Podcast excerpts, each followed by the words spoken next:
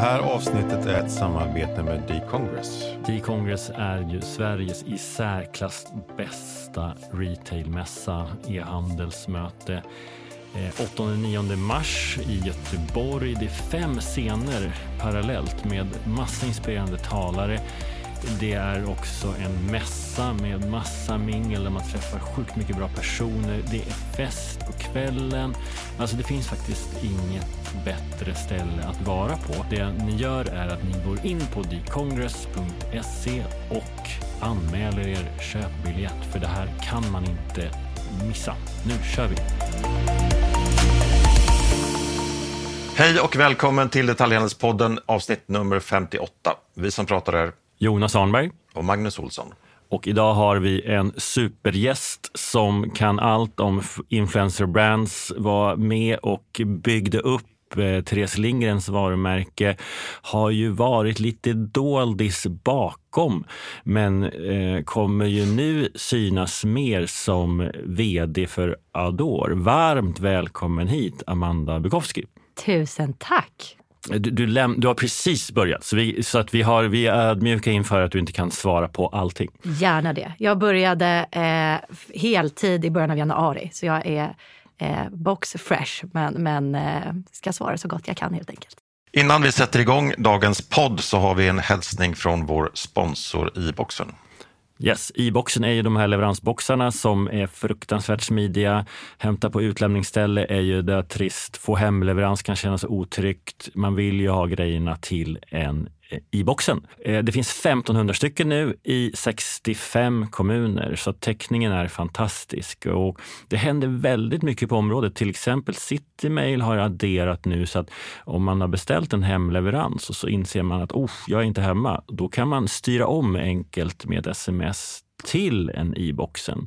Så att eh, ni som inte har en relation till i-boxen, skaffa genast det eller be åtminstone er transportör att leverera till i-boxen så kommer köpupplevelsen för era kunder bli så mycket härligare. Tack i-boxen, nu kör vi! Du är ju en expert på influencer brands och vi ska ta det från början. Men senast kommer du från H&M Beauty där du var vd. Eller man kanske inte säger vd. Nej, jag var inte vd. Jag var ansvarig för marknad eh, och kommunikation. Så det fanns en, en eh, eh Katrin Wigsell heter hon, som är general manager. Men du, då plockade de dig för att så här, in till gammal retail för att fräscha upp. Vad var uppdraget på H&M? Jag var ansvarig för marknad och kommunikation eh, och men, var ansvarig för att bygga det teamet såklart. Men bakgrunden till att H&M satsade på beauty var såklart att man såg en, en, stor potential. Beauty har växt väldigt snabbt de senaste åren. Det är en väldigt lukrativ bransch. Eh, små paket, höga marginaler, eh, väldigt låg returgrad till skillnad från mode. Eh, dessutom har ju H&M redan kunden så att då kunna eh, jobba med merförsäljning till en modekund och sälja beauty i sina plattformar är såklart eh, en, en otroligt stor potential. Så uppdraget för beauty som organisation var att ja, men dels sätta en ny organisation med beautykompetens. Eh, beauty har ju funnits på H&M länge men man har sålt det lite mer som man har sålt mode. Eh, att lansera en multibrand butik online. Eh, online på H&M har bara H&M's private label funnits. Så en del av uppdraget var att börja sälja andra externa varumärken. Eh, lansera och bredda beauty på nya marknader. Eh, relativt välutvecklat i Sverige och Norge, men inte alls eh, i resten av, av H&M's marknader. Se över den fysiska butiksupplevelsen eh, och också se över private label-sortimentet och se hur man kunde utveckla det ytterligare. Så det har liksom varit hela Beautys uppdrag. Eh, och vi har jobbat stenhårt med det de senaste åren. Och jag skulle säga att ja, men nu 2023 så kommer det börja hända massor med ja, roliga berätta, saker. Har det gått eh, enligt plan och har det, har det funkat? Det har funkat, men väldigt mycket kommer börja rulla ut nu. Så, så jag lämnar ju en tid när, när det börjar bli dags att skörda frukterna lite, eh, vilket man, man kan tycka vad man vill om. Eh, och, och, jag älskade att jobba på H&M Beauty, men sen så dök som sagt Adore upp och det var för kul för att inte hoppa på. Men, men jag tror att det kommer gå jättebra. Eh, och vi vet ju inte minst att i lågkonjunktur så har beauty en tendens att, att leverera.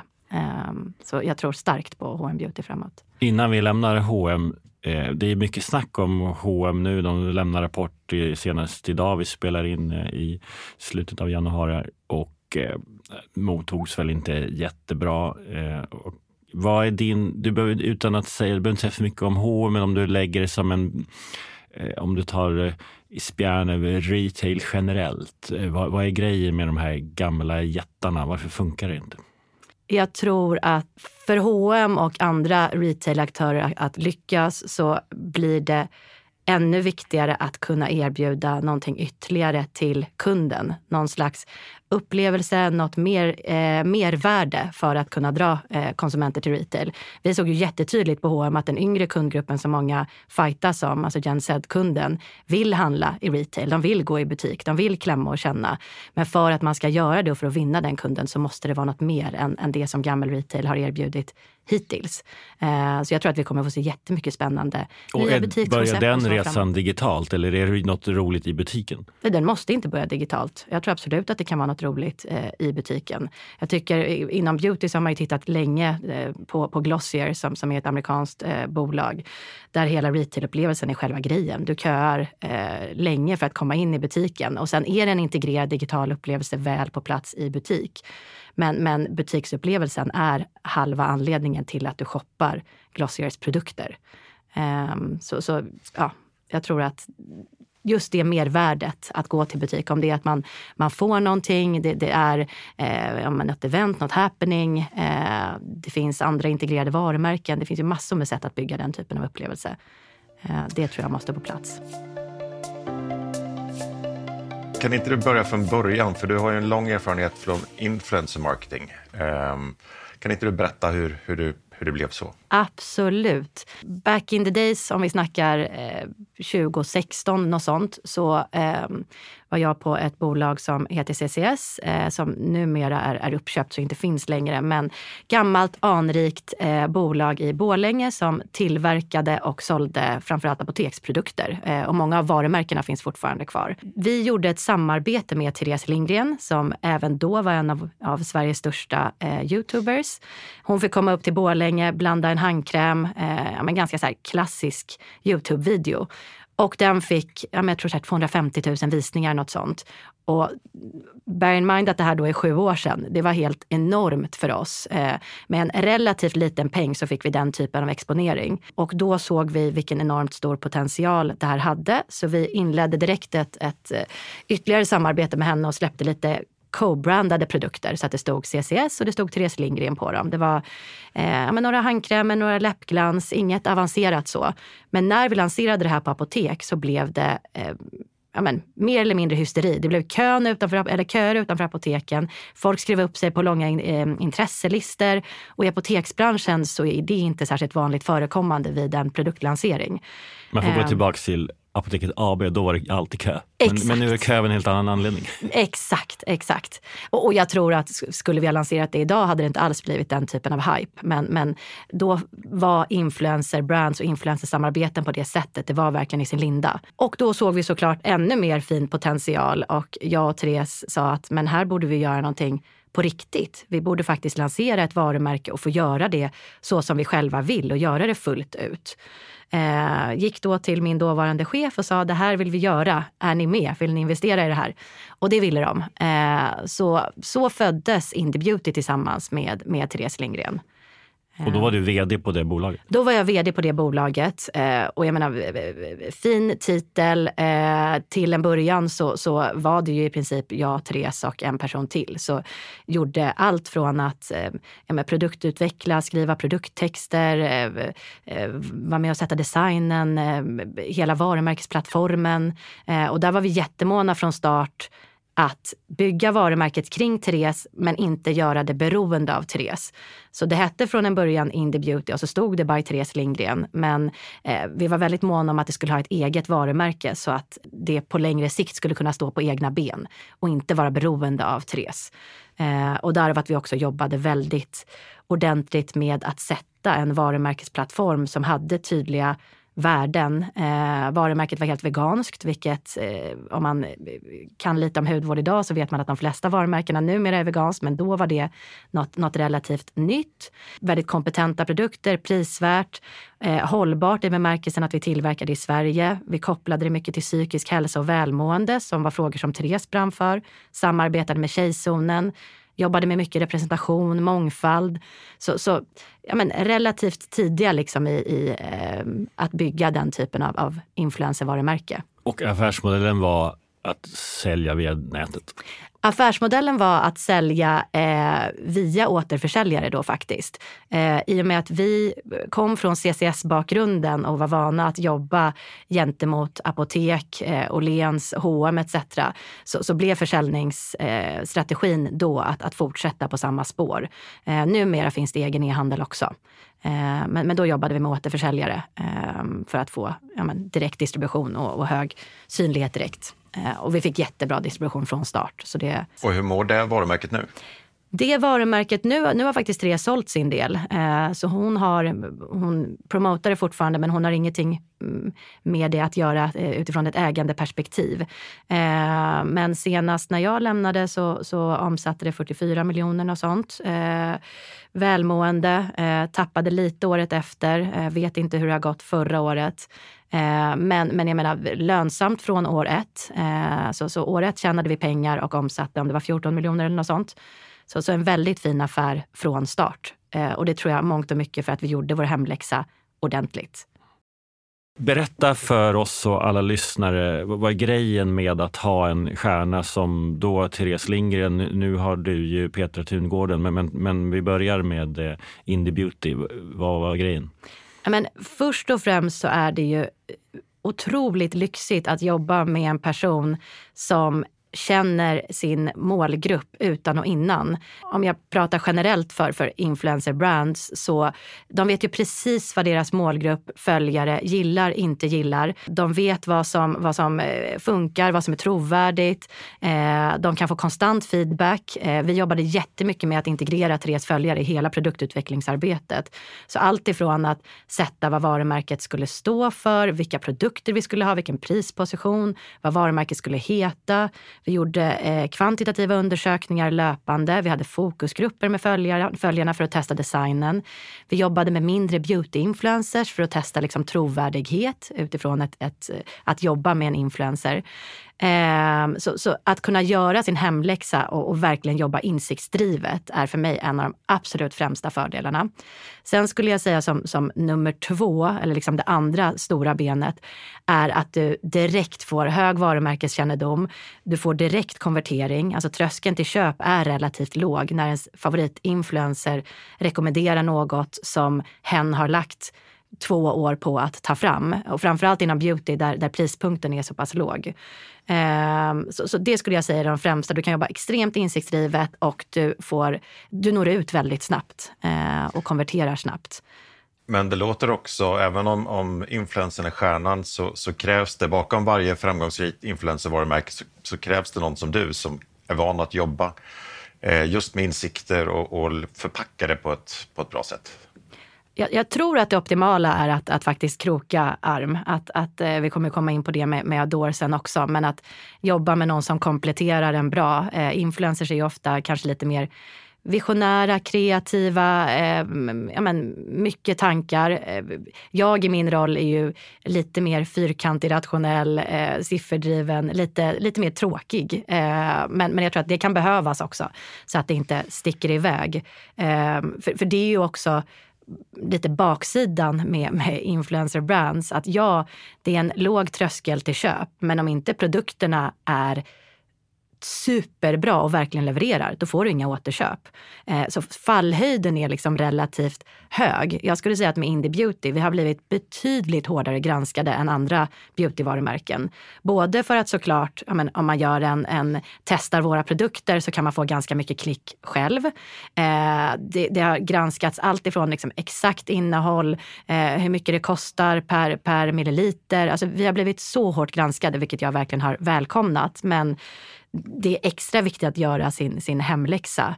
Eh, och sen så finns det ju såklart en baksida också, att, att man blir väldigt personberoende. Eh, det har vi sett inte minst här på senaste tiden med, med olika influencers som har varit i blåsväder, att om influensen eh, tabbar sig eh, eller ja, uttalar sig eh, konstigt i någon fråga så får ju det enorma konsekvenser för varumärket också. Eh, och därav också att vi ville göra Indie Beauty eh, relativt självständigt från Therese. Men vad tänker du om, då, om livslängden på ett sånt här varumärke? Då? För att eh, influencers kommer och går och som du säger, de kan eh, få andra intressen, de kan eh, tabba sig och så vidare. Vad, vad tror du om potentialen nu när, där det då är frikopplat från Therese? Hon promotar det fortfarande, men behöver hon göra det för att, för att hålla liv i varumärket eller kan det, kan det stå på egna ben sen? Nej, men jag tror och hoppas att det kan stå på, på egna ben. Hon promotar inte alls eh, särskilt ofta eller frekvent längre. Så förhoppningsvis har vi gjort ett så pass bra jobb och att produkterna är så pass starka så att vi snarare kan få eh, men, rekommendationer från, från konsumenter som har använt produkterna så att, så att de börjar prata om det. Så att det inte bara är Therese som, som rekommenderar. Så livslängd, jag tror att det är relativt, jag ska inte säga enkelt för det, det kräver extremt mycket jobb, men att starta upp och få första gångs köp och få liksom en, en eh, tillväxtskjuts från start är verkligen inom citationstecken eh, mindre svårt. Men att sen få varumärket att leva på längre sikt och klara sig genom de här två, tre första åren. Sen tror jag att när man väl är ute där, ja men, då kan nog varumärket stå på egna ben. Men jag tycker det är jättetydligt. Vi ser många som har tänkt att det har varit enkelt, lanserat influencer brands, eh, kanske inte utgått egentligen från influencers attribut och byggt på vad den eh, faktiskt står för. Eh, lanserat någonting, det har fått en liten hype i början men sen har det självdött. Så, så jag tror att vi kommer liksom få en naturlig utransonering av, av influencer brands. De som gör hemläxan och gör ordentligt och lägger mycket krut och förarbete och, och fattar att så här, men det tar ja, men ett år, två år att, att ta fram något sånt här. Eh, där kan det nog fortfarande gå bra. För det tycker jag du sa något intressant också, det här med varumärkesattribut, vad, vad, vad influensen står för. Kan, skulle Therese Lindgren, nu ska vi kanske inte hänga ut henne till höger och vänster här, men skulle hon kunna lansera en eh, choklad inom sitt varumärke? Ja, hon skulle kunna lansera en vegansk choklad. Therese är ju en, en influencer som har otroligt tydliga attribut. Man vet vad hon står för. Eh, det gäller absolut inte alla, men, men jag tycker man har sett fall där ja, men, eh, en influencer har lanserat, eh, ja, men jag vet inte, en eh, eh klädlinje som egentligen inte alls hänger ihop med, med varken hur de klär sig eller vad de står för. Och det tror jag inte funkar. Eller någon som lanserar beauty som ja, men, inte har någon, någon liksom beautyförankring eh, till exempel. Det, det, måste finnas en trovärdighet i det som lanseras och någon slags liksom, expertis inom området. Eh, och där var ju Therese helt fenomenal. Hon är extremt kunnig eh, inom beauty. Jonas och jag ska inte ge oss in i den branschen med andra ord. Nej, ni får hålla er till poddandet. Ja. Du har ju haft väldigt tunga, stora influencers med många följare. Men har du kompletterat det med, med influencers med färre följare, liksom små. Det finns ju vissa brands som bara använder sig om små för att köpa ett inlägg från Therese eller Bianca har blivit väldigt dyrt. Mm. Hur, hur, hur kompletterar man Ja, men där tror jag att man behöver sätta en, en lång strategi, eh, långsiktig strategi för hur man vill jobba och vad man vill få ut av influencer marketing. Är det försäljning? Är det branding? Är det content? Eh, jag tror, vill man jobba med contentskapande, då ska man jobba med mindre influencers som inte tar särskilt mycket betalt, som är kreativa. Eh, vill man tänka mer försäljning, då får man gå på de lite större bjässarna men också tänka långsiktigt. Det vill säga, då behöver man investera i alla fall minst, minst tre inlägg för att det faktiskt faktiskt ska generera någonting.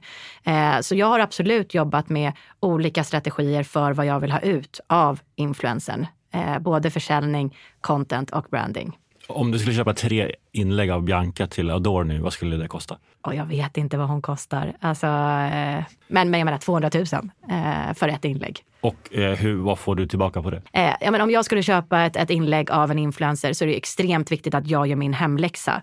Det har hänt väldigt mycket på den här scenen de, de senaste åren eh, och det finns massor med bra verktyg som mäter engagemangsnivå, som mäter hur åldersfördelningen ser ut, som mäter geografisk fördelning.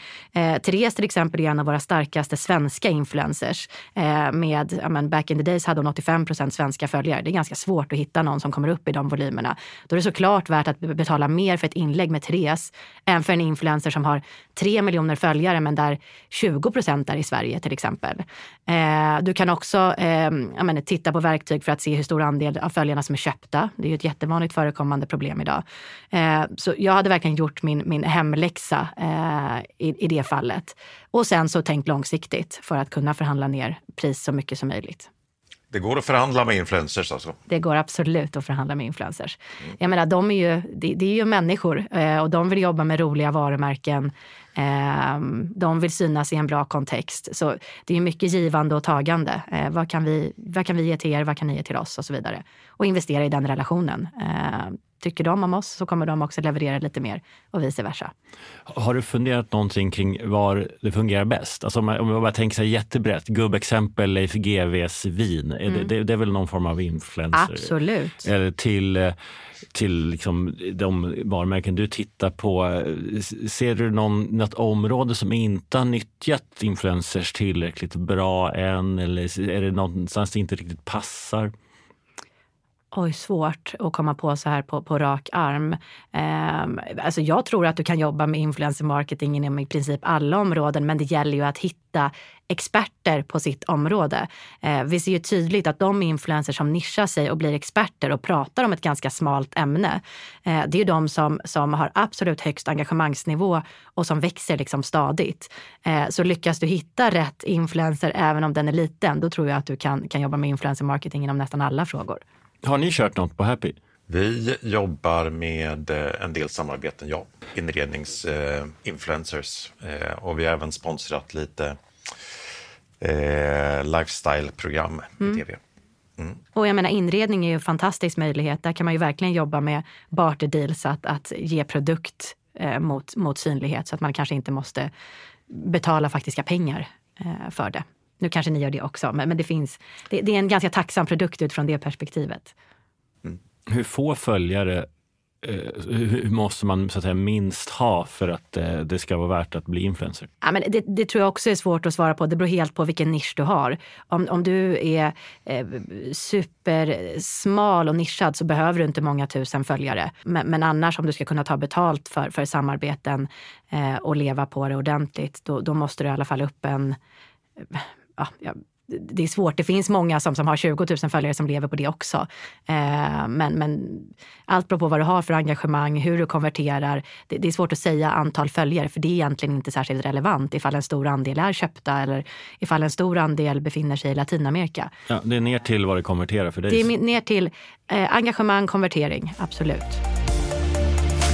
Det här är faktiskt ett avsnitt som sponsras av D-Congress. Har du varit på D-Congress, Amanda? Nej, jag har ju inte det. Jag har blivit inbjuden, men peppad på att gå i år. Alltså det kan ju vara så att någon av lyssnarna inte heller har varit det och då är det ju det är tjänstefel. Alltså man måste vara på D-Congress. Det finns egentligen ingenting som är bättre i Sverige på tema retailmässa. Eller ja, det började väl som ett e-handelsmöte i Borås, men nu är det ju i särklass den bästa mässan skulle jag säga. 8 till 9 mars i Göteborg. Gå in och boka biljetter på dcongress.se kommer vara en grym inledning med Per Schlingman, avslutning med Timbuktu och däremellan massa häftiga grejer. Bland annat så kommer ju din kära kollega Petra Tungården vara med. Eh, Björn Pålman Spenger har eh, en panel på tema framgångsfaktorer för influencervarumärken.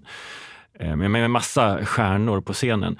Det, det, det, måste man titta på. Man kan också eh, lyssna på Detaljhandelspodden som är där och vi kommer ha med Ville Kangasmuku Nordströms från Bubble Room och eh, Peter Sabo på Didriksson under temat expansion via marknadsplatser. Har du någon gång varit med och expanderat via marknadsplatser? Nej, det har jag inte. Men det är absolut eh, ett spännande sätt att expandera. Vilken fråga ska vi ställa till dem tycker du? Om Adore ska expandera via Zalando, vad ska vi ställa för fråga? Alltså, vi, vi är ju intresserade av specifika marknader. Hur, hur, hur går det i Tyskland? Ja, men det här kommer vi, det och mycket mer kommer vi eh, prata om. Så att gå in på decongress.se, anmäl er och även ni fastighetsägare, retailers som tycker att det är liksom för mycket det och digitalt som Decongress kommer ifrån. Eh, Alltså känns det fel om ni inte är på plats. Den i särklass bästa eh, mässan för att förstå vad som händer i handeln. Och då har vi inte ens pratat om själva minglet och det som sker på, på mässgolvet. Det är en, en, ett väldigt fint tillfälle.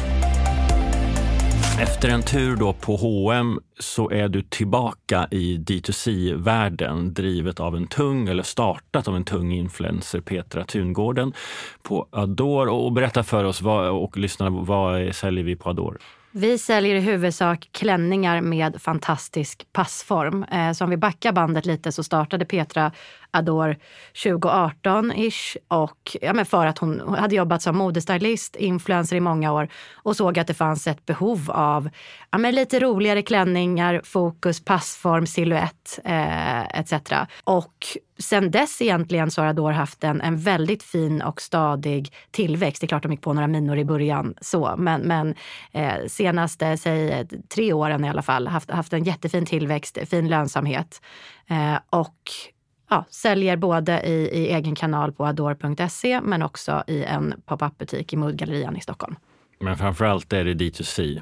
Det, exakt, det är bara D2C. Eh, det, det, fanns en, en um, wholesale-andel från start. Jag tror att den stod för 40 procent. Och sånt. Och sen under covid så droppade den till 20 procent. Eh, Adore fick allt svårare med leveranserna som många andra eh, från, från sina fabriker. Och det blev ett ganska bra tillfälle att egentligen eh, plocka bort wholesale och istället sälja enbart eh, D2C. Eh, vilket det ju såklart finns massor med fördelar med. Så jag, jag är väldigt tacksam för det. Eh, nu äger vi ju hela kundresan, hela kundupplevelsen. Vi behöver inte tänka på, på eh, förhålla oss till eventuella eh, kampanjer eller rabatter som, som våra återförsäljare eventuellt eh, skulle ha. Vi äger prisbilden. För ni fanns på Nelly?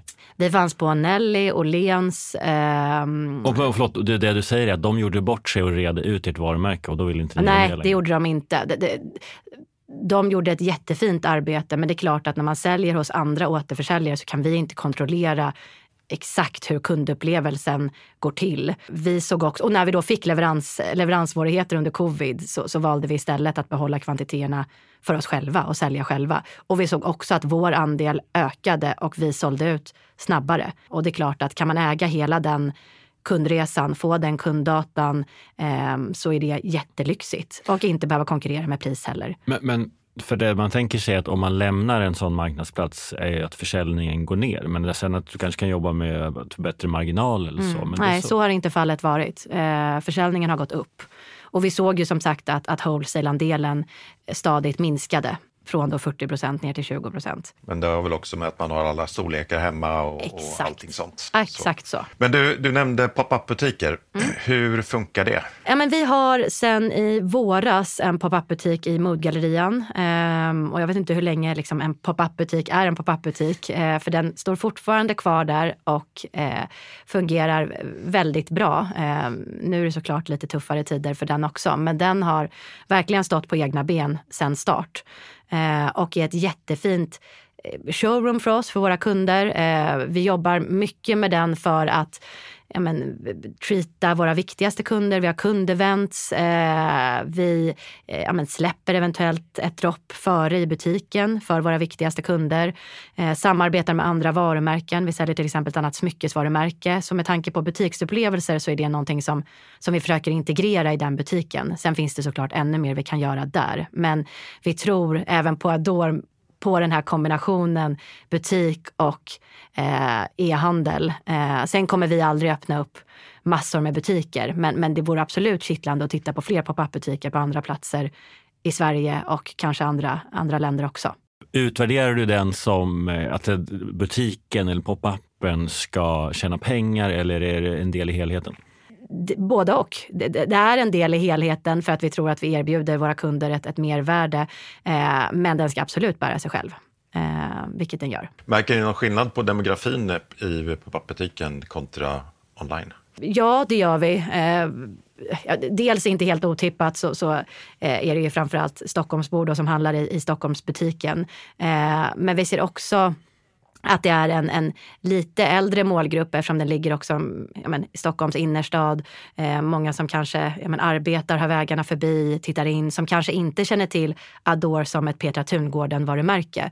Utan går förbi och ser, okej okay, här är det schyssta, schyssta klänningar, en sån vill jag ha på jobbet. Eh, så det skiljer sig absolut i viss mån åt. Och i, i det här fallet då, hur, hur hårt har ni knutit det omkring Petra? Och vad är tanken där? Ja, nej, men, men ähm, inte särskilt hårt skulle jag säga.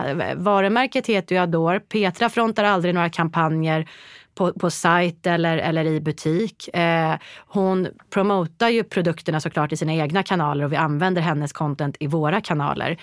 Men hon, hon syns inte i vår marknadsföring på det sättet. Eh, sen är ju hon ansvarig för både varumärke och design och jobbar heltid med Adore. Så, så hon är i allra högsta grad liksom, vår, vår frontfigur. Och eh, hon är ju anledningen till att Adore har blivit så framgångsrikt. Hon har ju såklart ett fantastiskt nätverk med, med andra influencers som gillar Adores kläder och när hon redan har en personlig upparbetad kontakt så är det såklart mycket lättare att få på de kläderna. Eh, men, men tanken är inte att hon ska fronta varumärket. Och D2C har ju haft strålande tider de senaste åren och eh, performat väldigt bra både online och offline. Nu är det många D2C-bolag som får gå tillbaka till wholesale istället för att kunna fortsätta bygga marknad. Tror du att ni kommer göra det?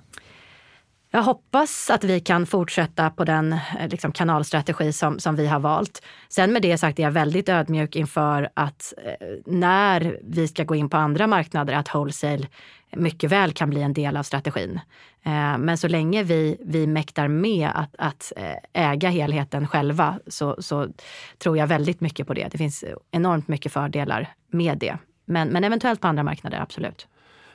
Nu är du som sagt ny på Adore och Petra Tungården som startade varumärket har anställt dig som vd. Varför fick du det jobbet?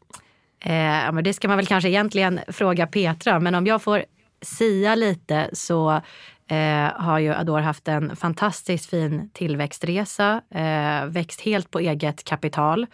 Det har gått Det är Petra som äger 100 procent? Petra äger eh, nästan 100 procent och sen är det en medarbetare som äger några procent också. Men, men inget externt kapital. Och ja, men det har gått fort, eh, växt från några få personer till ett lite större team.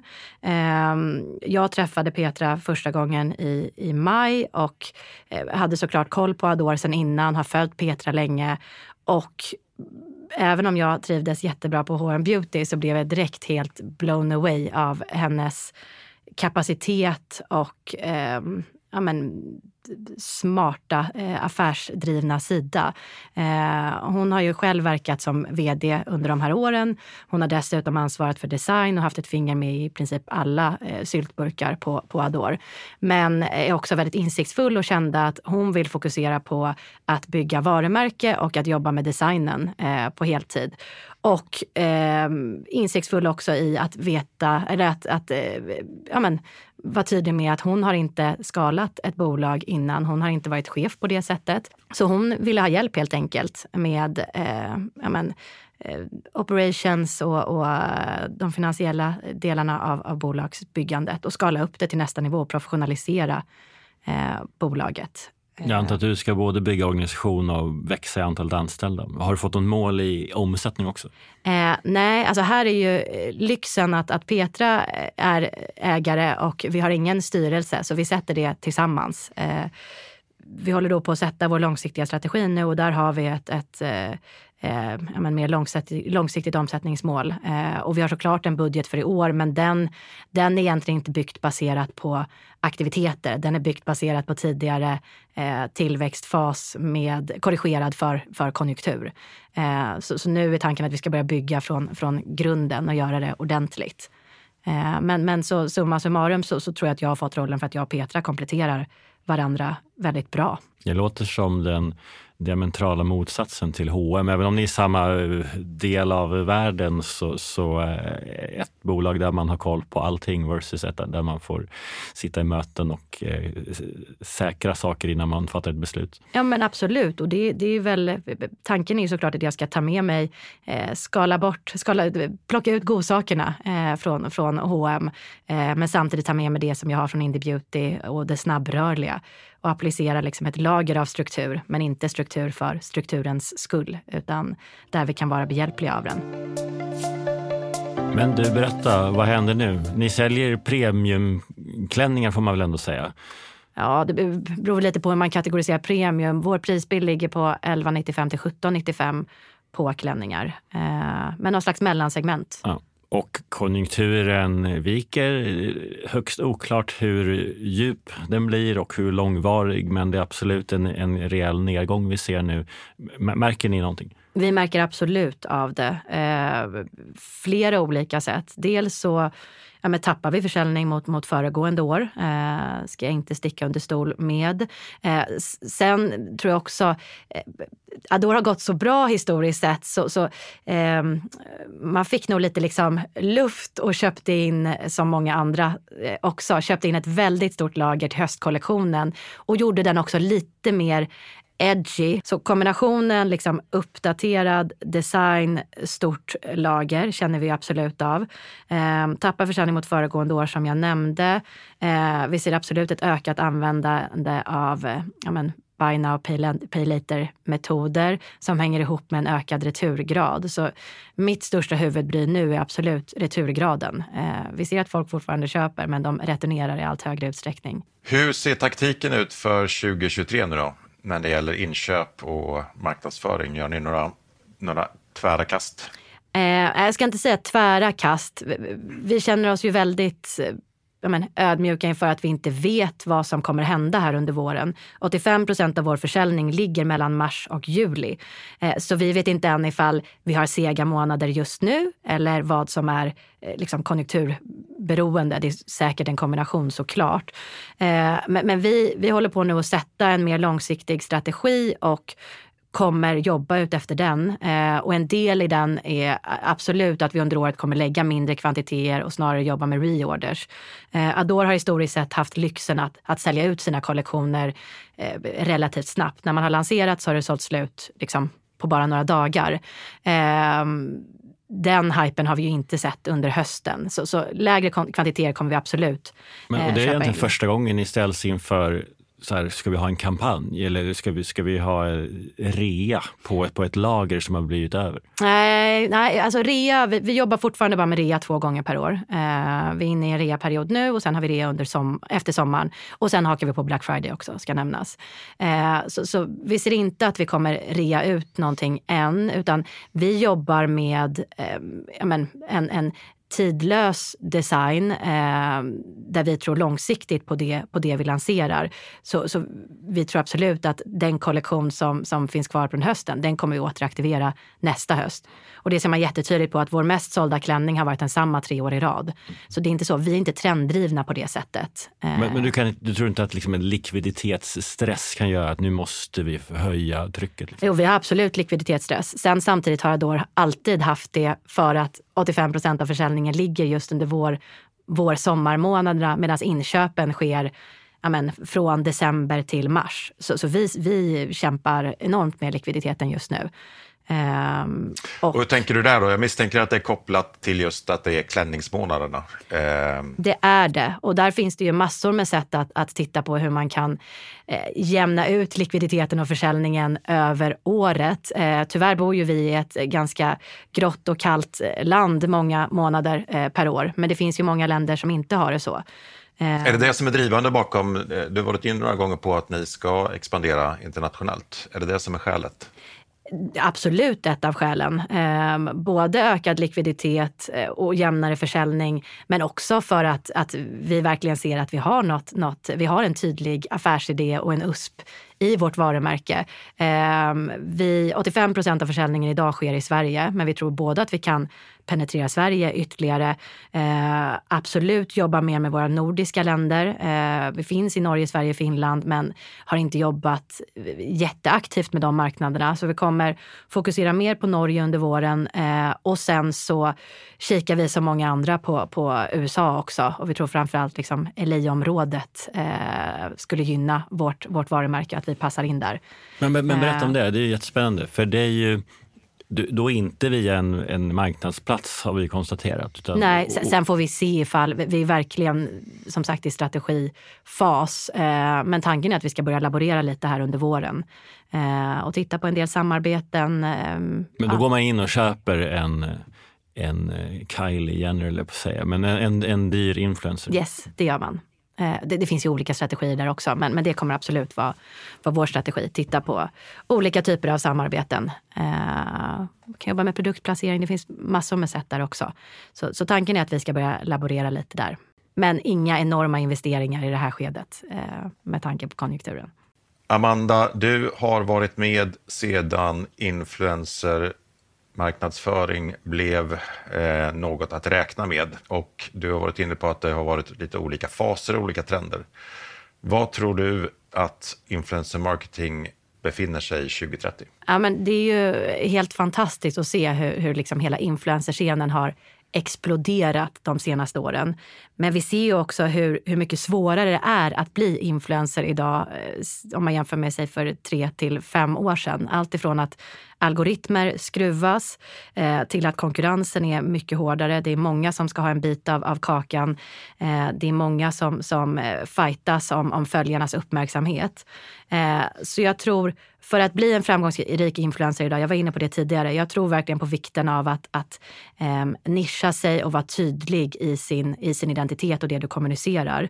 Eh, vi ser också om man tittar på olika plattformar att det som ja, växer snabbast och går bäst är ju TikTok. Eh, sen kanske inte TikTok konverterar lika bra idag som kanal, men TikTok används ju framförallt som, som en underhållningskanal snarare än en liksom mer vardagsinspirerande kanal som, som Instagram är. Så jag tror att det där kommer bli jättespännande att se hur influencers förhåller sig till olika plattformar. Eh, om man liksom måste nästan ha en identitet på TikTok versus Instagram eh, ser vi allt mer. Och det är något som vi pratar mycket om i vår kommunikation också. Tror du att det finns många influencers som är tunga på Instagram eller andra kanaler som egentligen då försvinner för det att de inte är lika relevanta på TikTok? Det tror jag absolut. Ja, vi ser att det är en helt annan typ av kommunikation som, som funkar på TikTok. Och det blir lite det, pinsamt när de skaffar ett TikTok-konto. Ja, men det blir ju lite cringe, eh, som kidsen säger. Nej, men, men ehm, det tror jag absolut. Sen så tror jag, alltså influencer marketing är ju definitivt här för att stanna. Det kommer bara bli större och bättre. Eh, vi ser att influencer stanna. Om jag tittar på hur det var för liksom, men, fem år sedan. Eh, de hade ju inte alls lika, var, var lika eh, tydligt och bra paketerade. Idag har ju de stenkoll på sina siffror. De vet hur de säljer in. Eh, de är ju som, som liksom ett litet, eller de, de, är inte som, de är ju ett företag som också förstår vad deras uppdragsgivare vill ha och vad som, vad som funkar. Så jag tror att hela den branschen kommer bara fortsätta att professionaliseras också. Och förhoppningsvis försvinner den här ja, lite dåliga stämpeln. Jag tycker ofta man ser det under olika artiklar. Äldre män som kommenterar att eh, ja, men det där kan väl vem som helst göra. Eh, det kan inte vem som helst. Det är extremt svårt att, att vara influencer och vara naturlig framför kameran, kunna fånga sin publik eh, etc. Så jag hyser enorm respekt för dem som lyckas livnära sig på det. Och om du tittar på liksom hela retail istället och vi siktar mot eh, 2030, vad, vad har hänt då jämfört eh, med idag? Men till syvende och sist så handlar det ju om en, en kundrelation och att man vill erbjuda någonting som kunden eh, tycker om. Och det för oss också tillbaka på det som jag var inne på tidigare, att, att erbjuda någon slags upplevelse. Varför ska jag gå till din butik för att köpa en produkt när jag kan få hem den i brevlådan samma dag eller dagen efter? Då måste det finnas något mer som jag kan få ut där. Kan jag få en, en eh, konsultation? Kan jag få ett, eh, träffa någon spännande person? Kan jag få lära mig någonting? Eh, så mycket mer upplevelsefokuserat eh, som utgår från, från kundens behov. Sen exakt hur man gör det och liksom verktygen, eh, det är ju den här 10 miljoner kronors frågan som så många försöker knäcka. Men det finns duktiga aktörer där ute. Du, eh, hållbarhetsfrågan ju eh, svår och vad, vad jag skulle nog säga att eh, i en lågkonjunktur så finns det en liksom, risk beroende på vilket perspektiv man har såklart, men att, eh, att människor prioriterar bort och liksom går mot lågprishandel och så. Men jag tror också att det finns en möjlighet att tvärtom, att i tider som dessa så tänker man efter och köper någonting som håller längre och därmed skulle kunna vara hållbart. Vad är, vad är din take? Du är ändå inne i, liksom, kan, man kan man kalla er snabbrörligt mode, det kan man inte om samma Nej. klänning har sålts i tre år i rad. Men, jag vill men, inte inte sätta oss i snabbrörligt-facket. Alltså, men, men mer... mode och eh, hållbarhet, vad, hur, hur, har den, hur har det förhållandet utvecklats? Men jag tror att du är inne på något när du säger att, att eh, konsumenter ja, men både kan pressas utifrån pris men också tänka mer liksom cirkulära affärsmodeller. Eh, vi ser ju jättetydligt att den yngre målgruppen, även om man pratar mycket om hållbarhet, men när det faktiskt kommer till drivkrafter och vad som genererar köp så är pris en av de absolut viktigaste eh, motivatorerna eh, och hållbarhet kommer ganska långt efter. Samtidigt som vi ser att, att eh, ja, men, aktörer som, som Tradera, Blocket och olika Facebookgrupper skjuter i höjden just nu. Tror du att Adore har ett bra till exempel andrahandsvärde? Men jag tänker mig att på arkivet skulle ni kunna funka bra. Blir du glad om det funkar bra där eller vill du ta tillbaka den affären till dig då? Nej, jag blir jätteglad om det funkar bra där och det ser vi att, att Adore-klänningar eh, funkar, har ett jättefint andrahandsvärde. Eh, inte minst för att vi har sålt slut så mycket så det har varit mycket som har varit svårt att få tag på. Eh, sen tycker jag att det är jättespännande. Nu ligger inte det i pipen men det är klart att det är kittlande framåt att titta på. Är det en affär som vi skulle kunna ta hem? Skulle vi kunna vara en, en liksom, eh, ett second hand-alternativ för Adore-kläder också? Eh, det vet jag att det finns andra aktörer inom influencer brands som, som har gjort. Eh, och det kanske man inte gör för att liksom, tjäna mycket pengar pengar, men för att kunna erbjuda kunden någonting extra. Amanda, du har jobbat flera veckor nu på Adore. Eh, kan inte du berätta var Adore finns 2030? Jag är gammal, gammal i gamet. Eh, 2030 känns lite väl ambitiöst att, att spana kring, men, men om vi drar ner det till med 20, 25, 26, alltså några år framåt i tiden, så tror jag att vi har, och det här kanske låter enkelt, men, men full kontroll på affären. Eh, I dagsläget så har Adore växt väldigt snabbt eh, och vi behöver liksom ta hem och tajta till. Eh, jag hoppas att vi är go-to-varumärket när det kommer till passform i Norden. Eh, vi har lanserat i USA. Kanske då har börjat kika lite på Asien om man ska vara lite eh, järv. Eh, och sen så tror jag eh, jätteviktigt för oss i ett liksom entreprenörsdrivet bolag att vi har lyckats behålla stora delar av vår kultur när det kommer till kreativitet, innovation och så vidare. Eh, och att våra medarbetare trivs så att vi inte men, växer för snabbt. En flagship i LA kanske?